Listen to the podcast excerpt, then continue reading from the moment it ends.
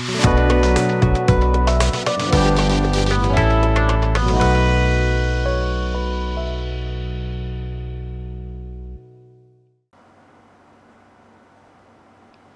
္ဂလာပါရှင်မြမပြည်သူပြည်သားအပေါင်းစိတ်ချမ်းသာခြင်းကိုယ်ရည်ကျန်းမာခြင်းနဲ့ပြည့်စုံကြပါစေလို့ PPTV အဖွဲ့သားတွေကဆုတောင်းမြတ်တာပို့တာပါတယ်အခုတစ်ပတ်တွင်ဖြစ်ပေါ်ခဲ့တဲ့သတင်းတွေနဲ့ပတ်သက်ပြီးသတင်းကျဉ်းချုပ်ကိုကျမစင်စင်ကတင်ဆက်ပေးသွားမှာဖြစ်ပါတယ်ရှင်ပထမဆုံးသတင်းအနေနဲ့ မြန်မာဒီမိုကရေစီအရေးနှောင့်နှေးမှုမရှိစေဖို့အမြန်ဆုံးကောင်ထယ်ဖော်ဆောင်ရွက်ပေးရေးကွက်အင်အားကြီး၄နိုင်ငံထံအမျိုးသားညီညွတ်ရေးအစိုးရကတောင်းဆိုလိုက်တဲ့သတင်းပဲဖြစ်ပါတယ်ရှင်မြန်မာနိုင်ငံရဲ့အကျက်အတဲနဲ့ဒီမိုကရေစီအရေးတို့အတွက်နှောင့်နှေးကြန့်ကြာမှုမရှိဘဲအမြန်ဆုံးအကောင့်တယ်ဖော်ဆောင်ရွက်ပေးနိုင်ရေးကွက်အင်အားကြီး၄နိုင်ငံစီကိုအမျိုးသားညီညွတ်ရေးအစိုးရကမေလ23မှာကြေညာချက်ထုတ်ပြန်တောင်းဆိုလိုက်ပါတယ်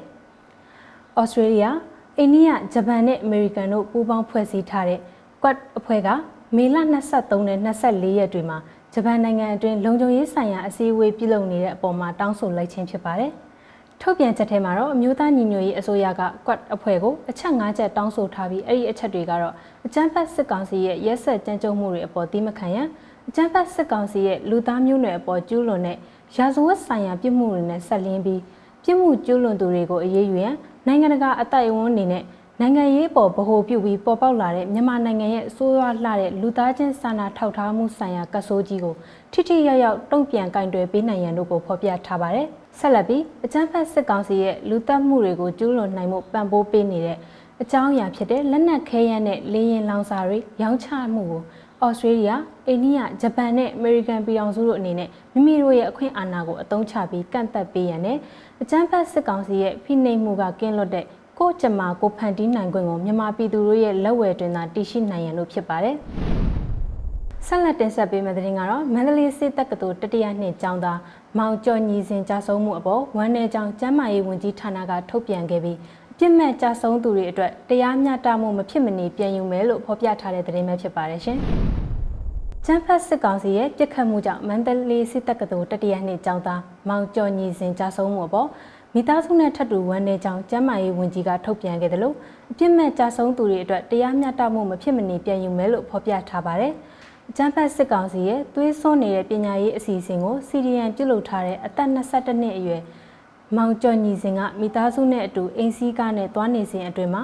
မန္တလေးမုံရွာကားလမ်းမပေါ်ရှိမြင်းမှုမြို့နယ်မှာအကြမ်းဖက်စစ်တပ်ရဲ့အကြောင်းမဲ့လူစိတ်ကင်းမဲ့စွာနဲ့ပြစ်ခတ်မှုကြောင့်ဦးကောင်းကိုကြည်ထိမှန်ပြီးကြာဆုံးခဲ့ရတာဖြစ်ပါတယ်။ကျမရေးဝန်ကြီးဌာနရဲ့ထုတ်ပြန်ချက်ထဲမှာအကြမ်းဖက်စစ်ကောင်စီကအထူးကုဆရာဝန်ကြီးတွေဆရာဝန်တွေတူနာပြုတွေကျမရေးလုပ်သားတွေစေးနဲ့စေးနှင်းတွေចောင်းသားចောင်းသူတွေကိုဥပဒေမဲ့ဖမ်းဆီးထောင်ချတာနှိပ်စက်တပ်ဖြတ်တာစေကူတာခွင့်လိုင်စင်တွေကိုအထိပ္ပယ်မဲ့ရုပ်သိမ်းတာ လူနာတွေရဲ့လှုပ်ဝက်အပ်တဲ့အချက်လက်များကိုကျင့်ဝတ်နဲ့မလျော်ညီစွာစောင့်ကြည့်ရယူတာစေယုံစေကန်းတွေကိုအထမဝင်ရောက်စီးနင်းတာစစ်ဆေးရေးယူတာ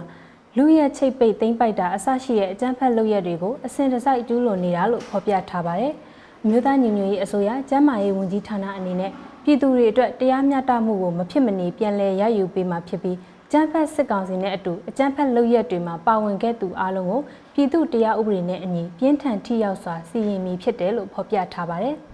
။ဆက်လက်တင်ဆက်ပေးမယ့်သတင်းကတော့နိုင်ငံတကာကအကြမ်းဖက်စစ်ကောင်စီကိုအစုလိုက်အပြုံလိုက်တပ်ဖြတ်မှုတွေရဲ့တရားခံအဖြစ်သတ်မှတ်ထားကြောင်းလူ့အခွင့်အရေးဆိုင်ရာဝန်ကြီးဌာနထုတ်ပြန်လိုက်တဲ့သတင်းပဲဖြစ်ပါတယ်ရှင်။ နိုင်ငံတကာကမြန်မာနိုင်ငံအတွင်းအစုလိုက်အပြုံလိုက်တပ်ဖြတ်မှုတွေရဲ့ကြီးမားတဲ့ရာဇဝတ်မှုတရားခံအဖြစ်အကြမ်းဖက်စစ်ကောင်စီကိုသတ်မှတ်ထားတယ်လို့အမျိုးသားညီညွတ်ရေးအစိုးရလူ့အခွင့်အရေးဆိုင်ရာဝန်ကြီးဌာနကမေလ25ရက်ကထုတ်ပြန်လိုက်ပါတယ်။အစုလိုက်အပြုံလိုက်တပ်ဖြတ်ခြင်းကိုနိုင်ငံတကာအနေနဲ့ကြီးမားတဲ့ရာဇဝတ်မှုအနေနဲ့သတ်မှတ်ထားပြီးမကြသေးမီကာလအတွင်းမြန်မာနိုင်ငံကအစိုးလိုက်အပြုံလိုက်တပ်ဖြတ်မှုတွေရဲ့တရားခံအဖြစ်အကြမ်းဖက်စစ်ကောင်စီခေါင်းဆောင်တွေကိုသတ်မှတ်ထားပြီးဖြစ်တယ်လို့ဖော်ပြထားပါတယ်။အကြမ်းဖက်စစ်ကောင်စီက စကိုင်းတိုင်းမကွေးတိုင်းချင်းပြည်နယ်နဲ့ကယားပြည်နယ်တွေမှာကြီးမားတဲ့ရာဇဝတ်မှုတွေကိုနေ့စဉ်ရက်ဆက်ကျူးလွန်နေတဲ့အပြင်အင်တာနက်ဖြတ်တောက်ခြင်းဖုန်းလိုင်းဖြတ်တောက်ထားတဲ့ဒေသတွေမှာရာဇဝတ်မှုတွေပုံမလှုပ်ဆောင်နေရလို့ဖော်ပြထားပါတယ်။မြို့သားညီညွတ်ရေးအစိုးရလူ့အခွင့်အရေးဆိုင်ရာဝန်ကြီးဌာနအနေနဲ့အကြမ်းဖက်စစ်ကောင်စီကျူးလွန်ထားတဲ့ရာဇဝတ်မှုတွေကိုတပ်တွေအချက်လက်အပြည့်စုံရရှိထားပြီးကျူးလွန်မှုမှာပါဝင်ပတ်သက်မှုအလုံးကိုထိရောက်တဲ့ပြစ်ဒဏ်တွေချမှတ်နိုင်မှုလှုံ့ဆော်နေရလို့လည်းဖော်ပြထားပါတယ်။စ ဆက်လက်တင်ဆက်ပေးမယ့်သတင်းကတော့အမျိုးသားညီညွတ်ရေးအစိုးရကငွေကြေးဆိုင်ရာဝန်ဆောင်မှုအဖြစ် NUG ပေးကိုတုံးဆွဲမယ်ဆိုတဲ့သတင်းပဲဖြစ်ပါတယ်ရှင်။မြို့သားညီညွတ်ရေးအစိုးရကငွေကြေးဆိုင်ရာဝန်ဆောင်မှုအဖြစ် NUG ပေးကိုလာမယ့်ဇွန်လအတွင်းမှာစတင်သုံးစွဲနိုင်ရေးအတွက်လှုံ့ဆော်နေပြီဖြစ်တယ်လို့စီမံကိန်းဗဏ္ဍာရေးနှင့်ယင်းနှိမ့်မြုပ်နှံမှုဝန်ကြီးဌာနဒုဝန်ကြီးဦးမင်းစရာဦးကပြောကြားလိုက်ပါတယ်။ငွေကြေးဆိုင်ရာဝန်ဆောင်မှုအဖြစ်အသုံးပြုမဲ့ NUG Pay application ကိုပြည်သူတွေသုံးစွဲမှုလွယ်ကူစေရေးအတွက် လှုပ်ဆောင်သွားမှာဖြစ်တယ်လို့ဒီ application ကိုနိုဝင်ဘာလကတည်းကလူငယ်နည်းပညာရှင်တွေနဲ့လှုပ်ဆောင်ထားတာဖြစ်တယ်လို့လည်းပြောထားပါတယ်။အသုံးပြုဖို့အတွက်လည်း Android ဖုန်းအမျိုးအစားအပြင် iOS version နဲ့အသုံးပြုနိုင်အောင်စီစဉ်နေတယ်လို့လည်းပြောထားတာတွေ့ရပါတယ်ရှင်။ NUG Pay application ကိုအသုံးပြုမယ်ဆိုရင် NUG Pay ဝန်ဆောင်မှု agent တွေကတဆင့်ကုတ်နံပါတ်ကိုမြန်မာငွေကျပ်1000နဲ့စတင်ဝယ်သုံးစွဲရမှာဖြစ်ပြီးတော့သုံးစွဲခွင့်ရတဲ့အချိန်မှာຫນွေဦးထီငွေတိုက်စာချုပ်အစရှိတဲ့ထောက်ပံ့ရေးအစီအစဉ်တွေကိုသုံးစွဲနိုင်မှာဖြစ်ကြောင်းနဲ့ NUG Pay သုံးစွဲသူအချင်းချင်းကြားမှာလည်းငွေလွှဲတာကုန်စည်ဝယ်ယူသုံးစွဲတာတွေကိုပြုလုပ်သွားနိုင်မှာဖြစ်ပြီးလက်ရှိအချိန်မှာတော့မြန်မာကျပ်ငွေတစ်မျိုးတည်းကိုသာသုံးစွဲနိုင်မှာဖြစ်ပေမဲ့နောက်ပိုင်းမှာနိုင်ငံခြားငွေလွှဲငွေထုတ်တွက်တွေပါ သုံးပြုနိုင်အောင်လှုပ်ဆောင်သွားမှာဖြစ်တယ်လို့လည်းစီမံကိန်းဗဏ္ဍာရေးနှင့်ယင်းနှိမ့်မြုပ်နှံမှုဝန်ကြီးဌာနဒုဝန်ကြီးကပြောကြားထားပါတယ်။ဆက်လက်တင်ဆက်မယ့်သတင်းကတော့အကြမ်းဖက်စစ်တပ်အာဏာသိမ်းထားသမျှငြိမ်းချမ်းရေးနဲ့တည်ငြိမ်ရေးလုံးဝရရှိမှာမဟုတ်ဘူးလို့ကုလသမဂ္ဂတာမတ်ကြီးဦးကျော်မိုးထွန်းကပြောကြားလိုက်တဲ့သတင်းပဲဖြစ်ပါတယ်ရှင်။ကျန်းဖက်စစ်တပ်အာဏာသိမ်းထားသမျှငြိမ်းချမ်းရေးနဲ့တည်ငြိမ်ရေးလုံးဝရရှိမှာမဟုတ်ဘူးလို့ ကုလသမဂ္ဂဆိုင်ရာမြန်မာအမြဲတမ်းကိုယ်စားလှယ်ဦးကျော်မိုးထွန်းကမေလ19ရက်ကပြုလုပ်ခဲ့တဲ့ကုလသမဂ္ဂလုံခြုံရေးကောင်စီရဲ့နိုင်ငံတကာငြိမ်းချမ်းရေးလုံခြုံရေးပြိပခနဲ့စားနပ်ရိက္ခာလုံခြုံရေးဆိုင်ရာတကားဖွင့်အစည်းအဝေးမှာပြောကြားလိုက်ပါတယ်။စစ်တပ်ရဲ့အာဏာသိမ်းမှုရှိနေသည်မြမြန်မာနိုင်ငံကငြိမ်းချမ်းရေးနဲ့တည်ငြိမ်ရေးကိုလုံးဝရရှိမှာမဟုတ်ကြောင်းဒါကြောင့်မြန်မာပြည်သူတွေကရွေးကောက်ခံအယက်သားအစိုးရဖြစ်တဲ့အမျိုးသားညီညွတ်ရေးအစိုးရ အမျိုးသားညီညွတ်ရေးအတိုင်ပင်ခံကောင်စီတို့နဲ့အတူစစ်တပ်ကပြုလုပ်တဲ့ဒုက္ခအကြက်တဲကိုရပ်တန့်မှုနဲ့အခြေခံလူ့အခွင့်အရေးတွေကိုအာမခံပေးမှုတွေပါဝင်တဲ့ Federal Democracy အနာဂတ်ကိုဖော်ဆောင်မှုကြိုးပမ်းဆောင်ရွက်နေတယ်လို့တာမတ်ကြီးကပြောကြားထားပါတယ်။မြန်မာနိုင်ငံရဲ့စားနပ်ရိက္ခာအကြက်တဲဖြစ်ရတဲ့အဓိကအကြောင်းရင်းတွေကပြည်ပခ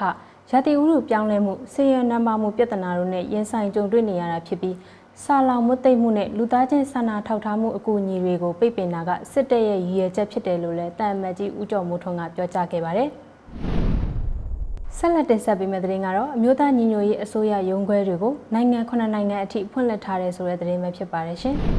။မြို့သားညီညွတ်ရေးအစိုးရအနေနဲ့နိုင်ငံတကာမှာတန်တမာရေးရာကဏ္ဍတိုးမြင့်ဆောင်ရွက်လျက်ရှိရာလက်ရှိအချိန်မှာတော့ကိုယ်စားလှယ်ရုံးခွဲတွေကိုနိုင်ငံခုနှစ်နိုင်ငံအထိဖွင့်လှစ်ထားနိုင်ပြီဖြစ်တယ်လို့သိရပါတယ်။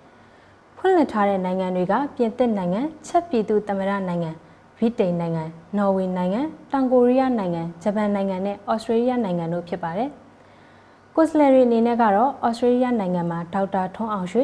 ချက်ပြည်သူသမ္မတနိုင်ငံမှာဦးလင်းတန့်နော်ဝေနိုင်ငံမှာဦးမမောင်မြင့်ကိုရီးယားနိုင်ငံမှာဦးရန်နိုင်ထွန်းဗြိတိန်နိုင်ငံမှာဦးမမောင်အောင်နဲ့ဒေါက်တာတက်ကိုကိုဂျပန်နိုင်ငံမှာစောပလှသိန်းနဲ့ပြင်သစ်နိုင်ငံမှာတော့နန်းစုမွန်အောင်တို့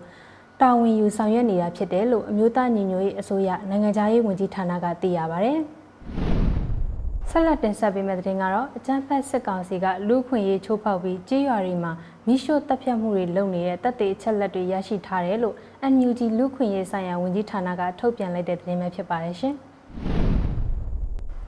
အကြမ်းဖက်စစ်ကောင်စီကမေလ10ရက်ကနေ12ရက်အတွင်း3ရက်ဆက်တိုက်လူအခွင့်ရေးချိုးဖောက်ပြီးကြေးရွာတွေမှာမိရှို့တပ်ဖြတ်မှုတွေပြုလုပ်နေတဲ့အကြောင်းကိုတပ်တွေအချက်လက်တွေနဲ့အတူအမျိုးသားညီညွတ်ရေးအစိုးရလူ့အခွင့်အရေးဆိုင်ရာဝန်ကြီးဌာနကသတင်းထုတ်ပြန်လိုက်ပါတယ်။ထုတ်ပြန်ချက်ထဲမှာရေဦးမြို့နယ်မုံတိုင်ပင်ကျေးရွာကပြည်သူတွေအနေနဲ့ဂျမ်ဖတ်စစ်ကောင်စီရဲ့လူ့အခွင့်အရေးချိုးဖောက်မှုတွေကိုပြင်းထန်စွာခံခဲ့ရတဲ့အပြင်ရွာသား28ဦးကိုလည်းညှဉ်းပန်းနှိပ်စက်ပြီးအစုလိုက်အပြုံလိုက်မိရှို့တပ်ဖြတ်ခဲ့က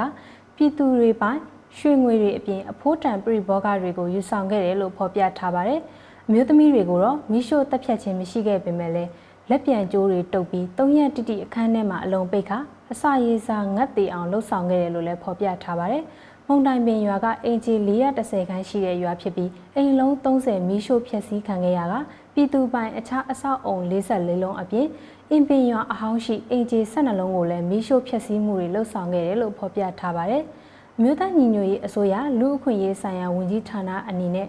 ကျန်းဖတ်စစ်တပ်နဲ့ပြူစောထီတွေရဲ့များပြားလာတဲ့လူ့အခွင့်အရေးချိုးဖောက်မှုတွေကိုအထောက်အထားခိုင်မာစွာရရှိထားတယ်လို့လည်းဖော်ပြထားပါတယ်။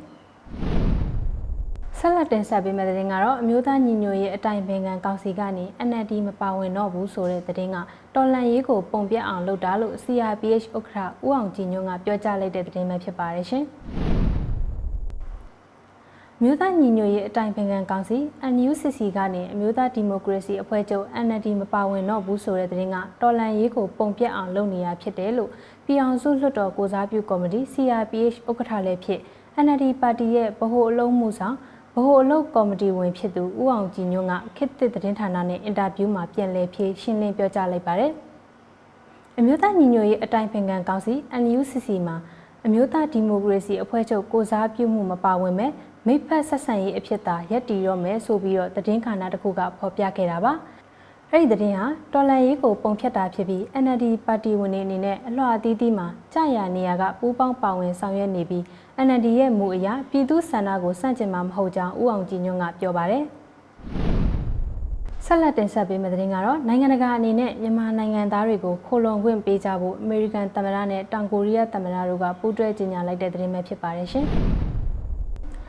အကြမ်းဖက်စစ်ကောင်စီကြောင့်ဒုက္ခရောက်နေရတဲ့မြန်မာနိုင်ငံသားတွေကိုနိုင်ငံတကာအနေနဲ့ခိုလုံခွင့်ပေးကြဖို့အတွက်မေလ22ရက်ကပြုလုပ်ခဲ့တဲ့အမေရိကန်နိုင်ငံနဲ့တောင်ကိုရီးယားနိုင်ငံပူးတွဲကြေညာချက်မှာထည့်သွင်းဖော်ပြလိုက်ပါတယ်။တောင်ကိုရီးယားနိုင်ငံကိုရောက်ရှိနေတဲ့အမေရိကန်သမ္မတဂျိုးဘိုင်ဒန်နဲ့တောင်ကိုရီးယားသမ္မတယွန်းဆောက်ယူတို့တွေ့ဆုံဆွေးနွေးပြီးနှစ်နိုင်ငံပူးတွဲကြေညာချက်ထုတ်ပြန်ခဲ့ရမှာအထက်ပါအတိုင်းမြမအရေးကိုထည့်သွင်းပြောကြားလိုက်တာဖြစ်ပါတယ်။မြန်မာနိုင်ငံသားတွေကိုခိုလုံခွင့်ပေးဖို့အပြင် ကျန်းဖက်စစ်ကောင်စီကိုလက်နက်မရောင်းချရေးအတွက်လည်းတားမြစ်မှုတွေပြုလုပ်ဖို့လည်းထုတ်ပြန်ချက်ထဲမှာထည့်သွင်းဖော်ပြထားပါတယ်။ဒါအပြင်သမရနှစ်ဦးလုံးကပြည်သူတွေကိုရရဆက်ဆက်တပ်ဖြတ်နေတဲ့အကြမ်းဖက်စစ်ကောင်စီကိုပြက်ပြက်တတရှုံချကြောင်းပြောကြားခဲ့တယ်လို့အကြမ်းဖက်စစ်ကောင်စီကဖမ်းဆီးထားသူတွေချက်ချင်းပြန်လွှတ်ပေးရေးနိုင်ငံတော်ဝင်လူသားချင်းစာနာမှုအကူအညီတွေလွတ်လွတ်လပ်လပ်ပေးပို့နိုင်ရေးတို့အတွက်ပါဖော်ပြထားတာတွေ့ရပါတယ်။ကျန်းဖက်စစ်ကောင်စီအနေနဲ့အကြမ်းဖက်မှုတွေကိုချက်ချင်းလျှော့ချရမှာဖြစ်ပြီးတော့ မြန်မာနိုင်ငံကိုဒီမိုကရေစီလမ်းကြောင်းပေါ်အမြန်ပြန်ရောက်ဖို့အတွက်လည်းလှုံ့ဆော်သွားကြဖို့အမေရိကန်နဲ့တောင်ကိုရီးယားနိုင်ငံတို့ကသဘောတူညီခဲ့ကြပါတယ်။ခုနောက်ဆုံးတက်ဆက်ပေးမယ့်သတင်းကတော့တော်လန်ရေးမှာ NLD ကတလေတဲစီဖြစ်ခြင်းကြောင့်ပြည်သူလူထုအနေနဲ့မွေဝါးစေခြင်းပဲဘုံရန်သူစစ်ကောင်စီကိုအတူတကွတိုက်ဖြတ်ကြဖို့သာအရေးကြီးရဲ့လို့ KNU ပြောကြားလိုက်တဲ့သတင်းဖြစ်ပါတယ်ရှင်။တော်လန်ရေးမှာ NLD ဆက်ရှိနေပြီးတလေတဲစီဖြစ်တဲ့အတွက် ပြည်သူလူထုအနေနဲ့မွေဝါးစေခြင်းပဲဘုံရန်သူစစ်ကောင်စီကိုအတူတကွတိုက်ဖြတ်ကြဖို့သာကြည်တင်တယ်လို့ NUCC အဖွဲ့ဝင် KNU အထွေထွေအတွင်းရေးမှူးချုပ်ပရိုစောဒါမူကရန်ကုန်ခေတ်သစ်မီဒီယာနဲ့အင်တာဗျူးမှာပြောကြားခဲ့ပါတယ်။မြို့သားညီညွတ်ရေးကောင်စီ NUCC မှာ NLD ပါဝင်ခြင်းမပါဝင်ခြင်းဆိုတဲ့အခြေအနေတွေနဲ့အငင်းပွားမှုဖြစ်ပေါ်နေရတဲ့ပတ်သက်ပြီးမေးမြန်းချက်ကိုဖြေကြားခဲ့ခြင်းဖြစ်ပါတယ်။ NLD ပါတီကပြည်သူလူထုရဲ့တောင်းဆိုမှုထောက်ခံမှုတွေနဲ့ရပ်တည်ခဲ့တဲ့ပါတီဖြစ်ပြီးပါတီအတွင်းမှာညှိနှိုင်းလှုပ်ဆောင်မှုအချိန်လိုအပ်မှာဖြစ်ကြောင်းအဓိကအနေနဲ့ဒီတော်လန်ရေးမှာ NLD ကဆက်ရှိနေမှာဖြစ်ပြီးလှေရဲစီးတွေဖြစ်ကြတဲ့အတွက်ပြည်သူလူထုကိုမွေဝါးသွားစေခြင်းဘူးလို့ပရိုစောဒါဒိုမိုကပြောကြားခဲ့တာဖြစ်ပါတယ်။ NLD နဲ့ပတ်သက်ပြီးတော့လက်ရှိမှာ NUCC ကနေနှုတ်ထွက်သွားပြီးမဟာမိတ်အနေနဲ့ရက်တည်မဲဆိုတဲ့သတင်းတွေထွက်ပေါ်နေတဲ့အပေါ် NLD ဗဟိုအလုံးမှုဆောင်လည်းဖြစ် CRPA ဥက္ကဋ္ဌလည်းဖြစ်တဲ့ဦးအောင်ကြည်ညွန့်က NLD က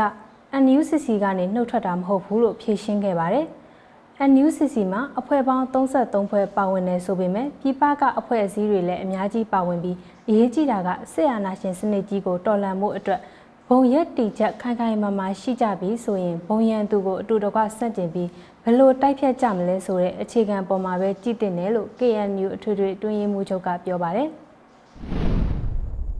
ဒါကတော့တပတ်တွင်းဖြစ်ပေါ်ခဲ့တဲ့သတင်းချင်းချုပ်ကိုတင်ဆက်ပေးခဲ့တာဖြစ်ပါတယ်။ကျေးဇူးတင်ပါတယ်ရှင်။